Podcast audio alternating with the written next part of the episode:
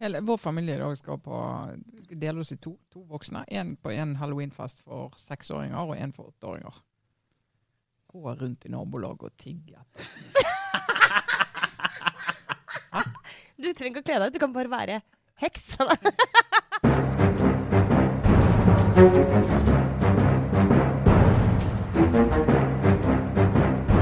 Ja.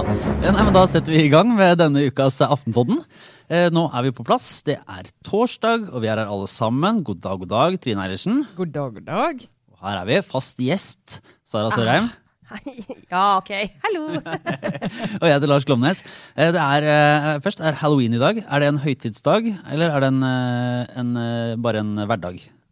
Det er, en, eh, det er mye verre enn en hverdag. Altså, jeg, er jo, jeg er jo sånn, La oss feire hverdagen og gjøre det til en fest. Men halloween er bare helt utrolig slitsomt. Og kom som julekveld på kjerringa igjen. For barna tar det så utrolig på alvor. Og det, jeg har ikke helt klart å mentalt på en måte forberede meg på det. Slitsomt. Fæle greier. Det, liksom, de gledene barna har, som bare dukker opp og, og gis gjennom hverdagen. Ja. Ja, det krever så mye. Det krever så mye. Men Ja. eh, la oss nå hoppe over det. Ja. Nei, vi går videre inn i det som har vært en, eh, en dramatisk uke i norsk offentlighet.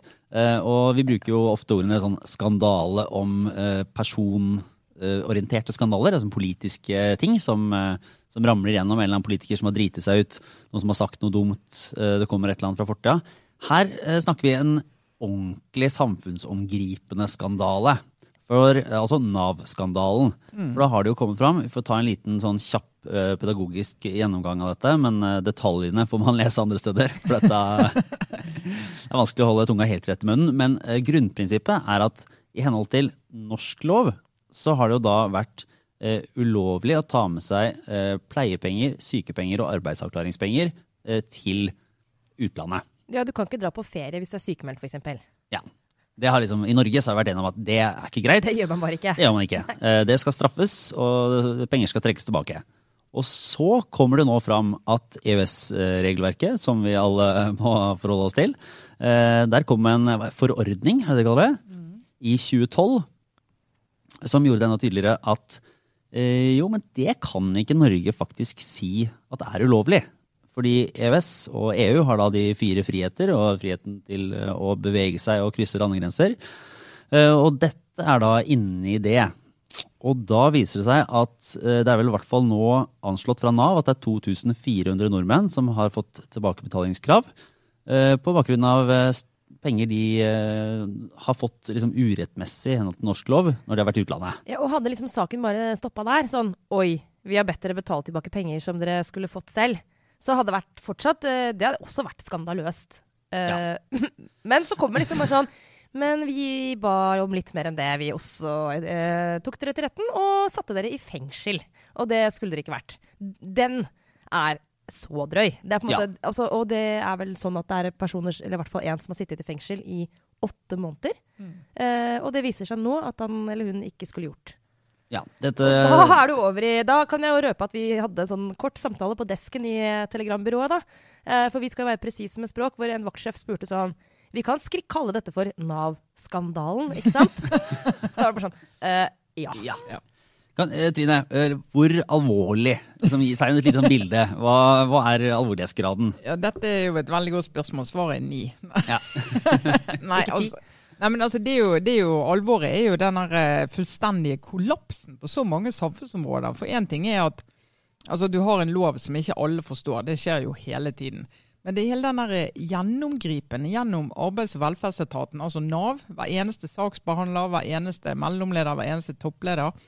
Trygderett og rettssystem. Alle advokatene som skal hjelpe de menneskene som havner i retten og er anklaget for trygdesvindel, de har jo ikke prosedert på at eh, EØS-reglementet er et annet. eh, Og sier jo at dette har ikke de heller hatt oversikt over. Så det er så mange som ikke har hatt oversikt over det. Så er det noen dommere som har sett det, som har varslet om det. Og nå er det store spørsmålet hvor mange av disse har varslet om det, og hvorfor har det tatt så lang tid å endre praksis etter at de varslene kom. For det er ganske få dommere, men de har i hvert fall gjort det og sagt ifra. Og så er det jo, eh, særlig i pressen kanskje, og i de fleste sånne historier, så er det jo snakk om, eh, om eh, helter og skurker. Og det er jo ofte lett i en skandale å se etter en skurk. Her er det jo ikke per nå en sånn veldig tydelig skyldig person i seg selv, er det det? Nei, altså Den ansvarlige er jo arbeidsstatsråden Anniken Hauglie, sånn hvis du skal se sånn formelt på det. Så er dette hennes område, hennes politikkområde, og Nav er hennes etat. Uh, men så viser det seg at det er jo det er jo veldig sammensatt, dette. sånn at Det er jo bare de færreste, bortsett fra SV, da, som er blitt litt sånn førstemann ut og sier at noen må gå parti. Det er noe litt sånn pussig posisjon å ha. Eh, men de fleste de, liksom, de sier jo at dette er veldig alvorlig. Vi er nødt til å høre hva som har skjedd. Vi må høre statsråden må redegjøre. Liksom få fulle oversikten. Men det er klart at det er jo Anniken Hauglie sitt område eh, det er. Arbeidsministeren.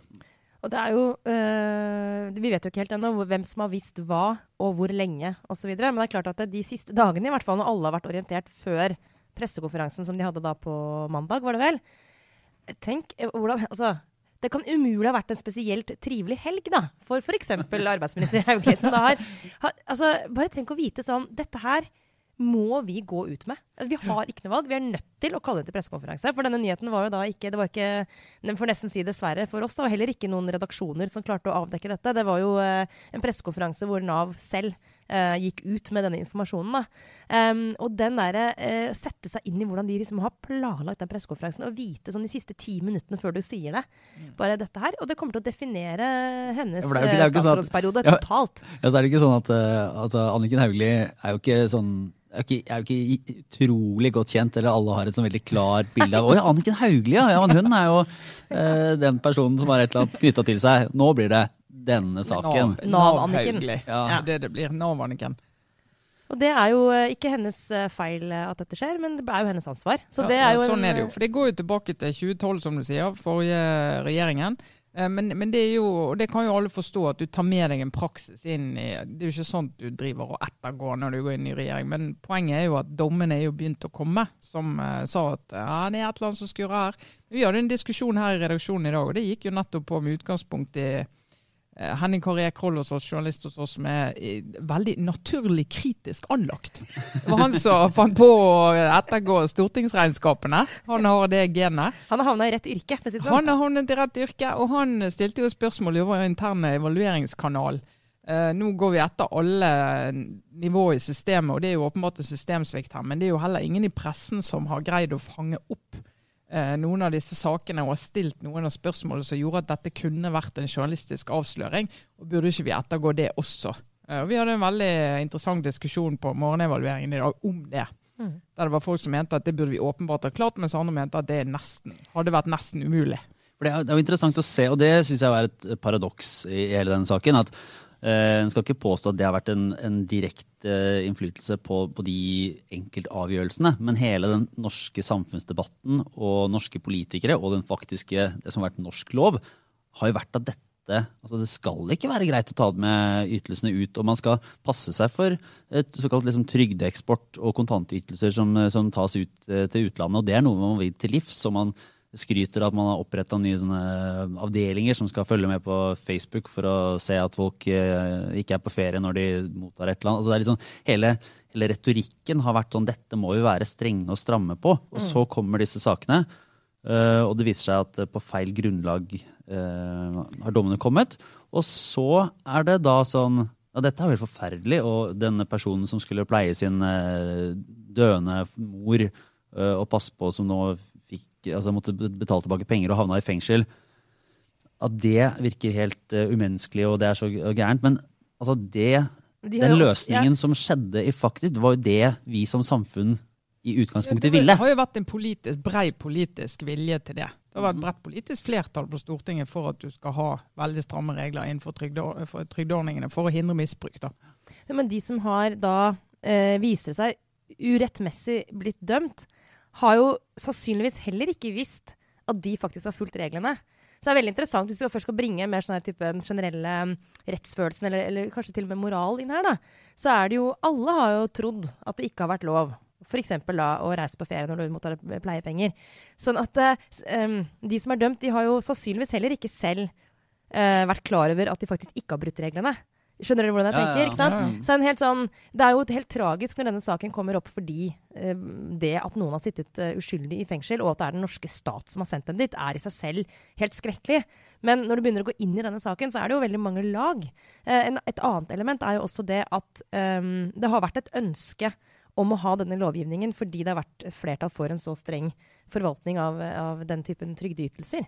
Sånn at eh, det at EU gjennom EØS da, på den måten kan overstyre det som er et villet norsk lovverk, det er jo også ganske problematisk. Det blir jo ikke det viktigste akkurat nå, men det kommer jo til å komme en debatt om det også.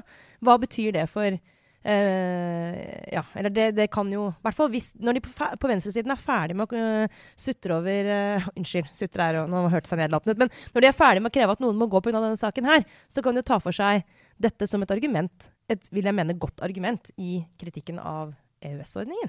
Det er jo godt i gang. Det er jo Senterpartiet var jo kjapt ut med det. og Der er det jo klar linje, for Senterpartiet er jo, vil jo ha disse reglene og mener at dette her må Norge få lov å bestemme sjøl. Og Da er det jo et, en måte å gjøre det på. Det er å gå ut av hele EU-greien og bare si at det her må vi styre sjøl.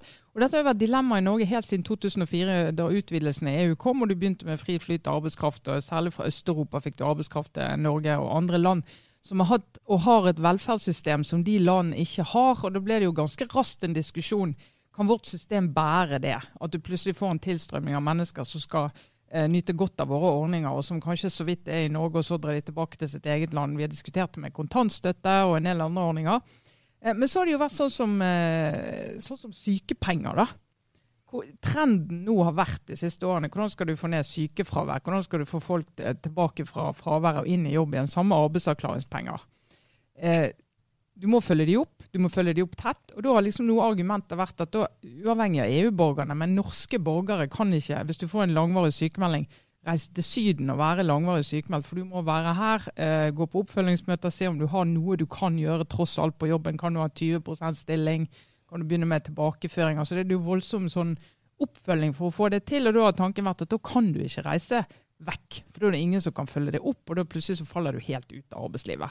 Og det har vært logikken. Og hvis du ikke skal ha muligheten til å gjøre det, eh, og at Norge skal si at ja, men det er sånn vi ønsker å få bukt med sykefravær, annet, Mm. så er jo det veldig vanskelig å akseptere for norske politikere. Sant? Men det er vel ikke noe de kan gjøre med heller, Trine? Altså, det er, noe, det er, jo, er det ikke litt sånn at det er Sorry, det er, da er du Men, men, ja, men jeg, jeg mener jo at de har jo helt der har jo venstresiden og Senterpartiet har jo helt rett når de peker på vårt forhold til EØS. Det er bare det jeg mener svaret er feil. Eh, for der er jo svaret å gå helt ut av det. Men det har så mange andre omkostninger. Men det har jo vært alle som er opptatt av EU-implementering av direktiver og lover og regler, og liksom teller opp hvor mye som kommer til Norge hvert år, som vi ikke har helt oversikt over, og som så mange ikke har kan ordentlig. Eh, så har jo deres svar alltid vært ja, men enten så må vi liksom gå inn i dette her og passe på hva som kommer. Her har vi tilpasningsmuligheter.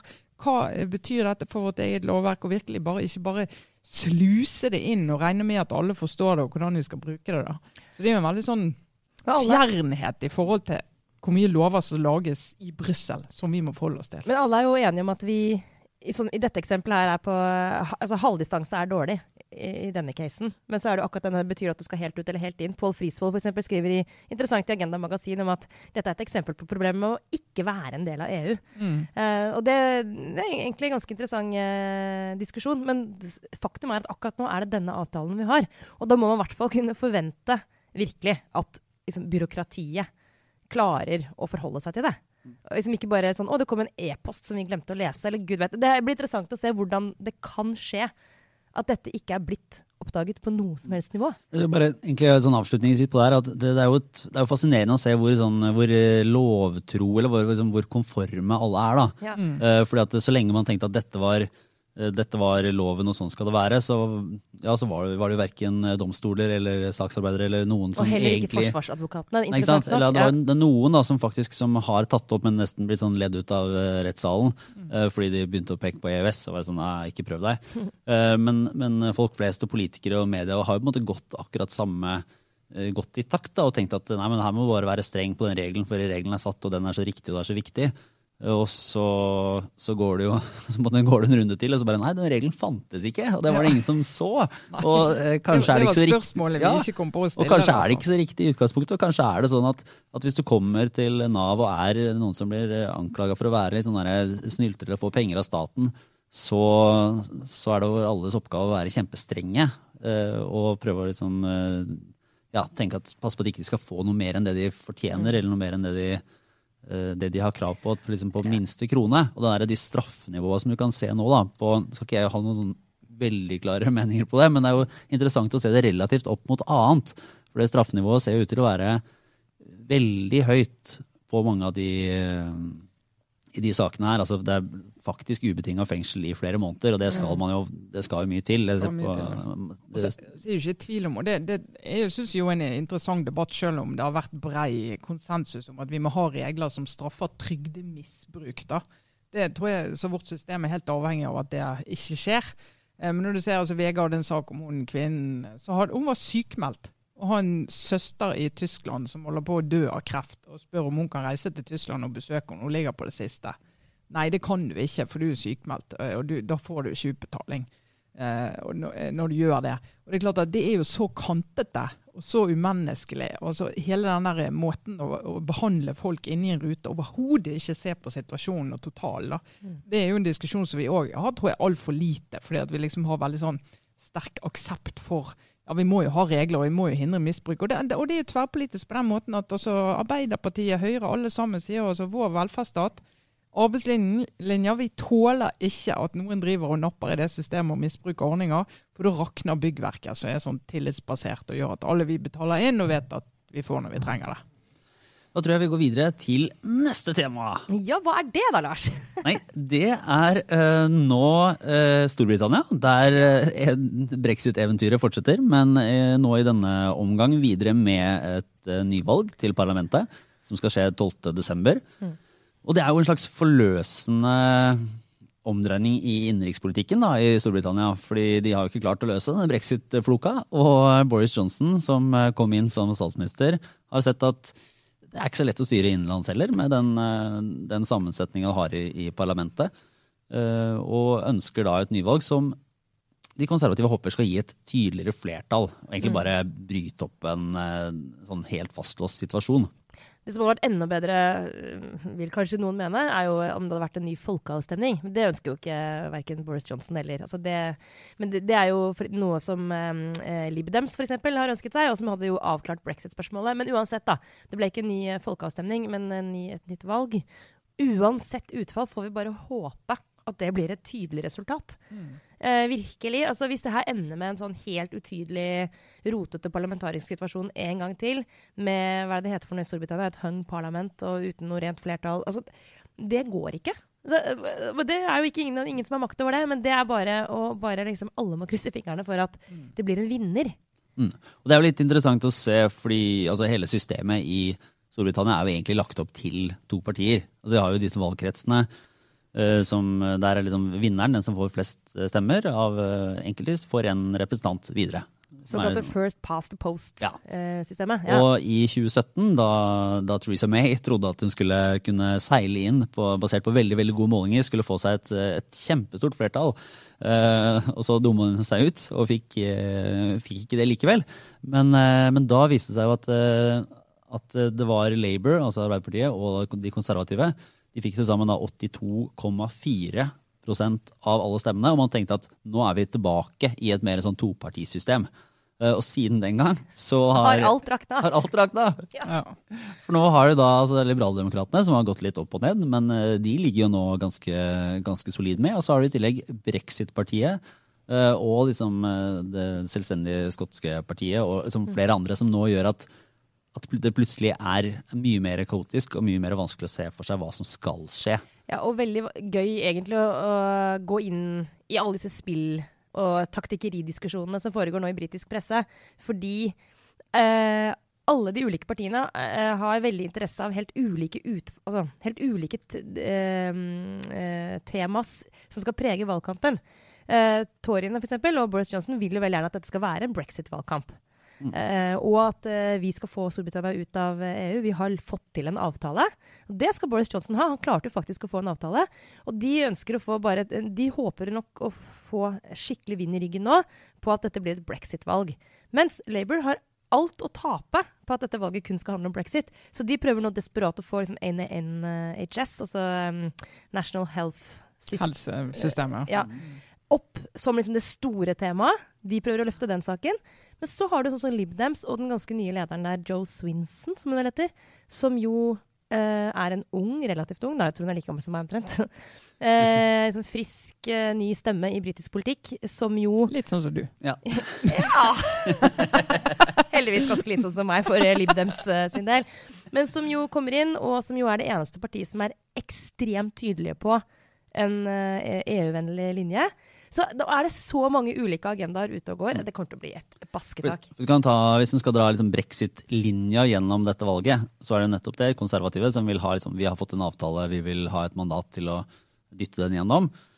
Uh, og så har du Libdem som sier nei, vi vil bare vi vil forbli i EU. Og det er vårt, det er vårt valgløfte. Og så har du jo Labour da, med Corbyn som sier at nei, hvis vi vinner, så skal vi ha en, en ny endelig uh, avstemning om, eh, om, om brexit. Det var en ny, nytt sånn, eh, sånn ny folkeavstemning. Ja. Og så har du da brexit-partiet til en Nigel Farage, eh, som er sånn Enda mer brexit enn ja, konservative. ja, ja, som er sånn, vi, Den avtalen er, er et svik, den som Boris Johnson har inngått. Eh, vi vil ta en ordentlig brexit eh, liksom No nå. deal. Ak Ja. Akkurat nå. Og det, det forskyver jo veldig mange, eh, veldig mange ting, som gjør at det, det vil påvirke hvis det blir en brexit-avstemning. da.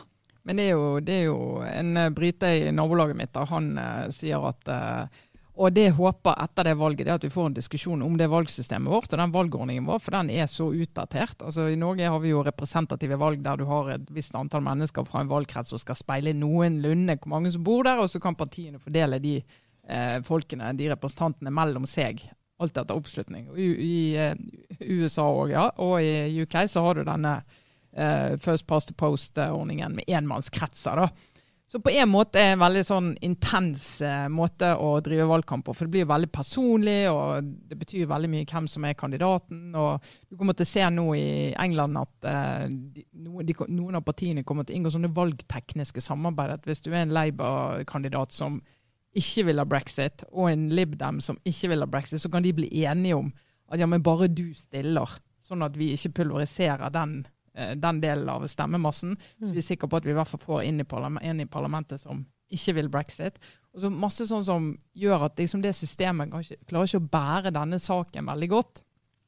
Eh, eh, og så du kan få en diskusjon om etter valget, da. Mm. Men eh, nå så skal en styre med det, med det de har. Men det blir jo et eh, Det er alltid veldig fristende i, i vårt yrke å liksom, erklære noe for liksom, tidenes mest spennende, eller tidenes største, eller et eller annet sånt noe. Men, men kan man få si en, på en generasjon, da, så er det vel eh, er det et sånt ekstremt eh, viktig og avgjørende valg. Som jo man kan bli helt sånn svimmel av å tenke på hva som eh, kan bli utfallet altså det kan for, for Europa.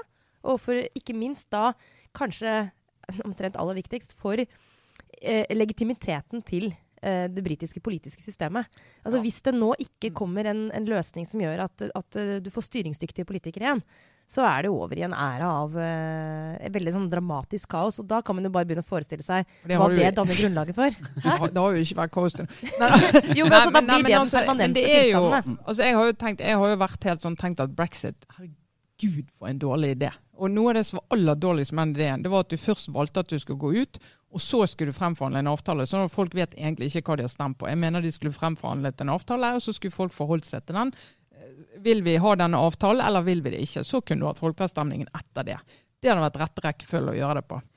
Eh, Det gjorde de ikke, så nå sitter de der de sitter. Men når de er der de er, så har jeg tenkt det selv om jeg syns at det er, det er ikke det er forferdelig å tenke på at dette skal skje, så tror jeg faktisk det er best at det skjer. Jeg tror det er best nå hvis de får et resultat til jul som gjør at britene går ut og blir ferdig med det. Eh, For å forholde seg til det. eh, Det politiske systemet, alle kan forholde seg til andre politiske saker. Mm. Og det er jo, altså, eh, Eirin Hurum, journalist i Aftenposten og Stein Bjørge, de har reist rundt i Storbritannia nå i noen uker og lagd noen reportasjer. og det er, det er veldig tankevekkende å se hvordan arbeiderklassevelgere eh, og som før stemte Labour nå eh, følger Boris eh, tykt og tynt og sier han må bare få oss ut av dette her. og De var og besøkte byen Boston i midt av England, som har hatt en innvandringsøkning på 460% på ti år. Kun østeuropeere. Hele byen er forandret. Hele arbeidslivet er forandret. Liksom hele kulturen er forandret. Du får en diskusjon. Og de sier vi, vi vil ikke ha det. Mm. Uh, og det er bare han som forstår oss.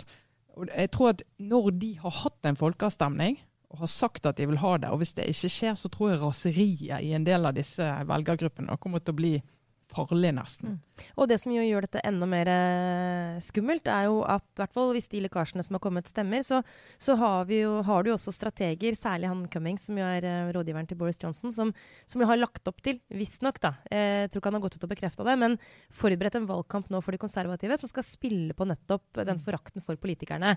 The people versus the politicians. Mm. Eh, som jo er helt hårreisende, fordi det er helt åpenbart at de som en del av det etablerte likevel skal spille på at de står utenfor. Men det er nå én ting. Men, men bare eh, maktmennesker som helt eh, åpenbart da forsøker å spille på nettopp den forakten for systemet, som jo er veldig farlig og lettantennelig, og som jo eh, jeg kjenner at eh, det er det som får deg til å gå kaldt nedover ryggen. Jeg er helt enig med deg, Trine. Det er ikke lenger liksom, tanken på at Storbritannia skal ut av EU som er det skumleste, det er tanken på uh, hvordan um, mistilliten bare stadig vekk blir gjødsla.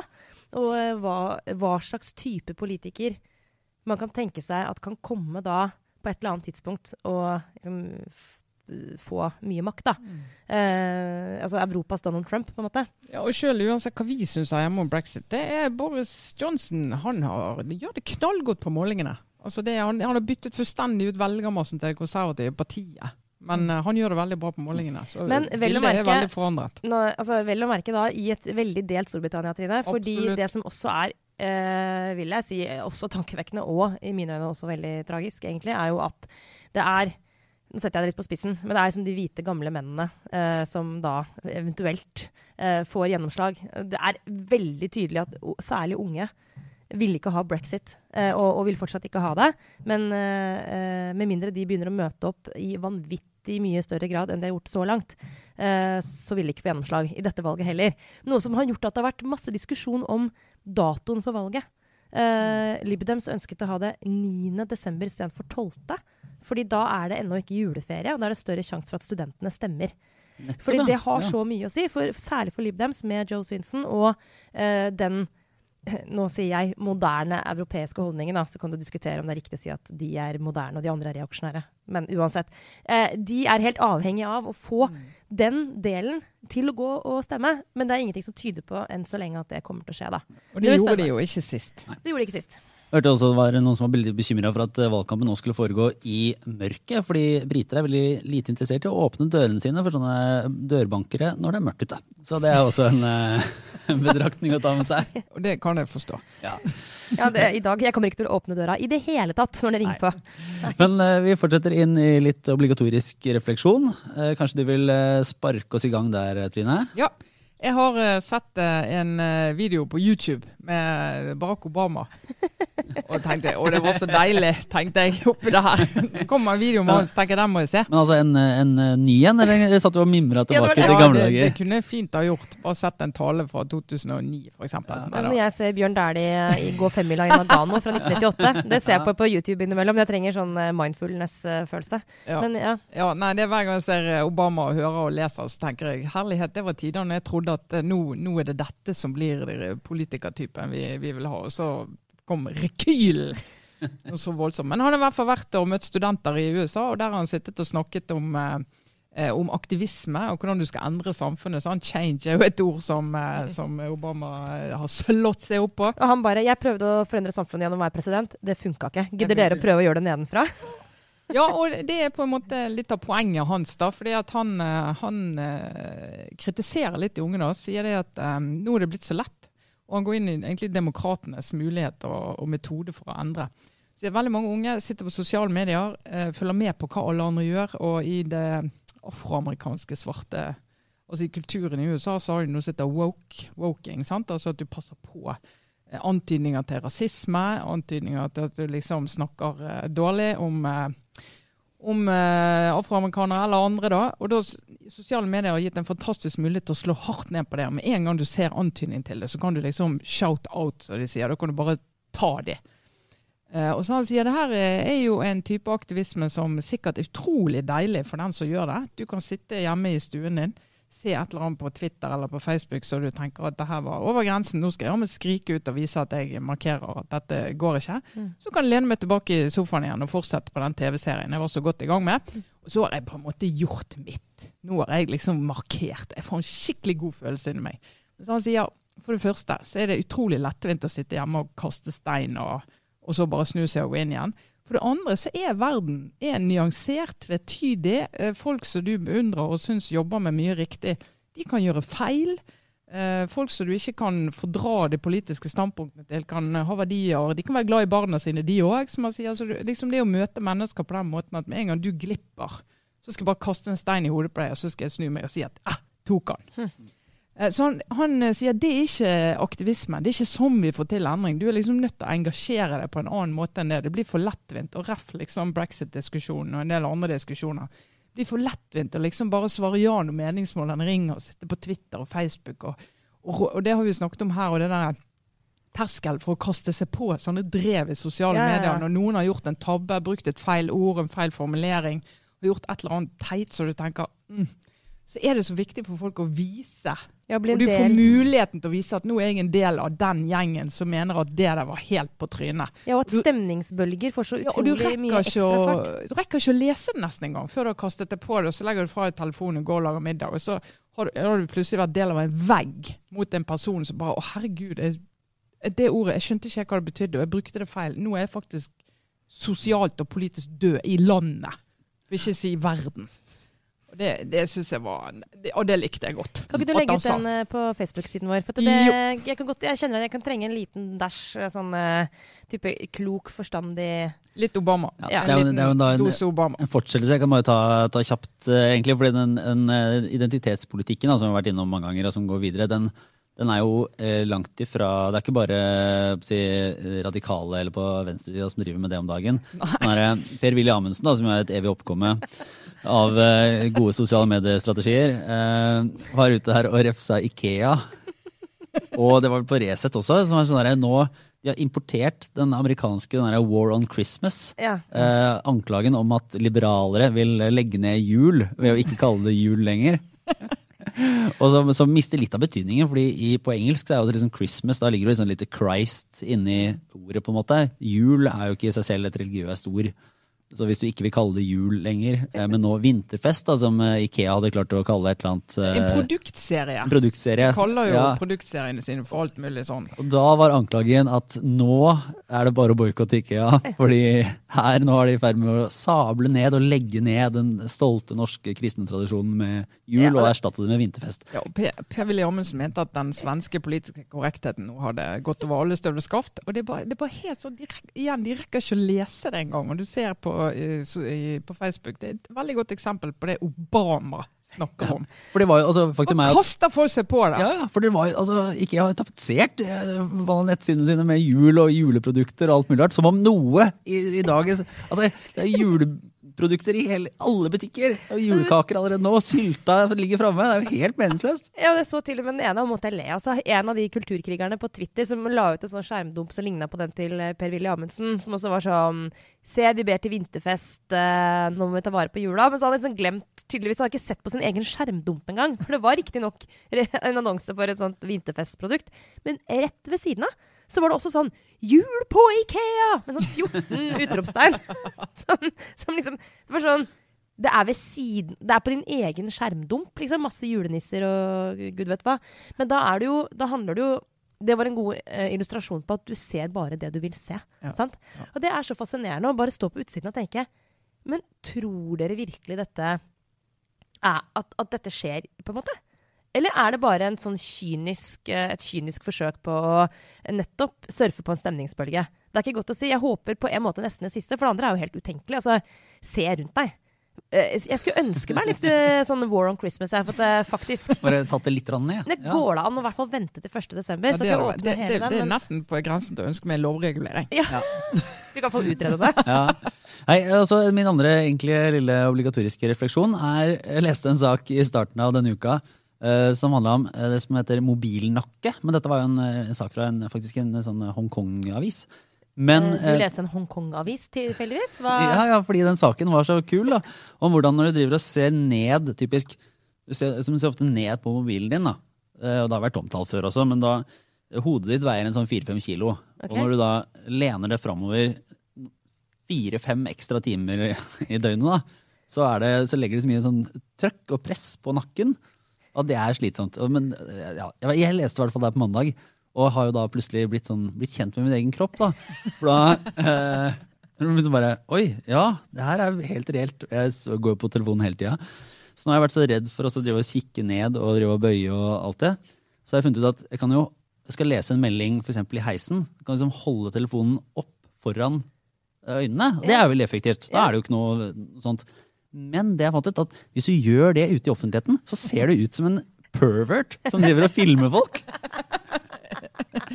Så jeg gjør det i heisen på jobb med noen jeg ikke kjente. Så det, ja, okay, det står en meter unna, så står det, ser det ser ut som du filmer dem eller tar bilde av dem midt i ansiktet.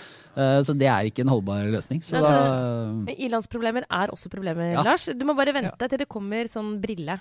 Ja, men Sånn det var jo det Vi snakket om det i går. Det var noe som er sånn Google-glass for noen år siden. Så vi skulle gå med en sånn brille så helt sinnssykt ut. Ja. Så skulle du liksom se ting inni her. Skulle gå rundt i byen og skulle du ha sånn internett på brilleglasset. Og det, av en eller annen grunn så ble ikke det noe sånn allemannsprodukt. Og det, jeg føler at det ikke kommer til å bli det heller. Sara. Plutselig så kommer det. Ja, ja. Men eh, Sara, du har vel en eh, obligatorisk refleksjon som, har, eh, som kan engasjere oss alle denne uka? Ja, altså Jeg hadde for helt ærlig tenkt å snakke om at Barbie har laget sånn derre Ja, Rosa Parks-dukke. Ja. Altså, Barbie Dere vet Barbie? Verdens Ja. verste leke. Altså, jeg, Jeg hadde Barbie da jeg var liten. ja, jeg også. Men altså, det skal virkelig bli- få bukt med spiseforstyrrelser, så bare forby Barbie. Men det er ikke det jeg egentlig skal snakke om. Det, det, fordi det kom en annen sak bare glidende inn i dag morges. Ja. En lesefest av dimensjoner som gjorde meg så glad og Ja. oppglødd at jeg må dele den med både dere og lytterne. Og vi må snakke litt om det. Jeg snakker nemlig om forfatteren Dag Solstad sitt oppgjør, sitt farvel faktisk, med Klassekampen som avis. På trykk i Klassekampen i dag. altså, det er noe så sjelden som en helt rasende eh, person, som i tillegg til å være rasende, jo da også tilfeldigvis er en av våre aller, aller beste forfattere. Så du kan jo eh, på en måte kle raseriet ditt i en språkdrakt, som jo det i seg selv gjør det til et utrolig interessant og, og nesten direkte morsomt lesestykke. Men i tillegg er det et metapoeng her, fordi Dag Solstad er så sinna på Klassekampen fordi de har hatt en svær, nesten en sånn gravesak eh, gående i det siste, hvor de har prøvd å avdekke alle skrivefeilene i Komma, komma. Komma gate. Alle skrivefeilene i den siste romanen til Dag Solstad. Som er sånn Av alle ting du skal bruke ressurser på, så er det sånn de la, i krigstyper sånn Det sto ikke Klassekampen avslører, men det kunne stått det. De har fått en korrekturleser til å gå To? gjennom to. Dag Solstads siste roman, og funnet 500 skrivefeil. Så, men som, ja, som de nå må eh, erkjenne, det var ikke nødvendigvis feil, men merknader. Ja, de. Men, men det var jo, altså, du har helt rett, Sara. Jeg også leste det, og jeg koste meg. Jeg skal faktisk lese det en gang til, for jeg koste meg så veldig. For det er jo så sjelden at du får den type personligheter som er så forbanna, og så ytrer seg, og så skriver så fantastisk godt som, som han gjør. Eh, men eh, Klassekampen de, de skulle jo liksom gjøre dette til en sak om dette var inngangen på en liten serie om hvor dårlige kår korrekturleserne har Egentlig var det et forsøk på å liksom løfte korrekturleseren. Løfte korrekturleserne, og de frilansere, og de får dårlig betalt, og forlagene de får ikke nok tid til å gjøre jobben sin. og liksom For så vidt en, en helt streit problemstilling, da. Men så er det jo fantastisk mediekritikk inni innlegget til Solstad. For de har jo intervjuet en korrekturleser som forteller at forferdelige forhold og kår. I tillegg fikk jeg et manus fra en debutant som var sånn at jeg måtte skrive om henne i halve boken. Og så sier han, men var det en korrekturleser som hadde lest min bok? Var det i mitt forlag? Eh, har dette noe med meg å gjøre? Altså, han, han bare går igjennom det da, og er bare helt drepende i evalueringen av eh, altså, Klassekampens journalistikk. og skrevet med eh, kommaer kasta ut over Og i, teksten. helt i sin egen. Og da tenkte jeg, når, når Klassekampen har fått inn dette, lurer på om de har hatt sine egne korrekturlesere som har bare sagt nei, jeg vil ikke ta i det. Altså, jeg måtte skru av Tansa, som er eh, retteprogrammet som de fleste redaksjoner har. Eh, liksom skru det av for, for alltid, sannsynligvis, etter å ha hatt den der gjennom systemet, den teksten. Men fordi det er også et gøy poeng her, sant? det er jo at ehm, ja, det fins selvfølgelig skriveregler og grammatikk. Uh, det fins også, har jeg smertelig erfart, mennesker som er besatt av rettskrivning. Altså, Jeg er klar over at det er greit å kunne uttrykke seg på en Du er tydeligvis ikke en av dem. Ja, men jeg er datter av en norsklærer, sant? og jeg, jeg har sannsynligvis en slags sånt, et overslag eller noe som har skjedd i oppveksten. Kanskje en psykolog kunne hjulpet meg, hjulpet meg med dette. Men jeg blir altså så irritabel på sånne rettskrivningsnazier. Kommer og skal plukke på kommafeil og orddelingsfeil. Og jeg blir sånn Ja, men herregud, bare gjør deg forstått. Det er ikke så farlig. Eh, så jeg føler at jeg nå har fått en utrolig god venn i denne kampen. Jeg ser Trine nå. Du, ser jeg nå fikk du utslett. Fordi eh, det Dag Solstad eh, jo er opptatt av, det er at jeg er skjønnlitterær forfatter. Han er jo kunstner. Språket er jo hans liksom, eh, kunstform. Så hvis jeg velger å sette et forbanna komma hvor jeg vil, så kan jeg faktisk gjøre det. Hallo, jeg er Dag Solstad! Shut the fuck up! Jeg skriver som det, jeg vil! og, yes! og det er kjernen her. Det, han er Dag Solstad. Og det er ingen andre, og nesten ingen andre. Og de som er de beste forfatterne i landet, skal selvsagt få sette tegn der de vil. Men vi, Sara, vi er ikke forfattere. Hvis vi begynner å liksom late som om vi Jeg har kunstnerisk frihet, jeg skriver i avis. Vet du hva? Det går ikke an. Du skal formidle, du skal skrive ordentlig, du skal henge på greip. Hvis du ikke engang klarer å skrive riktig, hva troverdighet har vi da så her er streng? Altså? Jo, ja, men altså- Selv om jeg, jeg, jeg skriver feil, og jeg blir rødma hver gang jeg eh, blir på, feilet blir påpekt, og det kan sikkert skje hver eneste dag, så tenker jeg jeg er bare nødt til å skjerpe meg. Jeg kan ikke gi opp.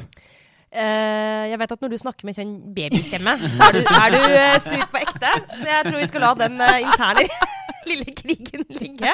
Men, eh, men eh, jeg syns det er greit at vi har en slags felles norm. Jeg innrømmer det. Eh, og jeg syns det er fint. I. NTB, hva syns du om at de sender ut journalistikk som har masse skrivefeil? Nei, det syns jeg er helt forferdelig, og slår jeg hardt ned på. Det er ikke tull engang.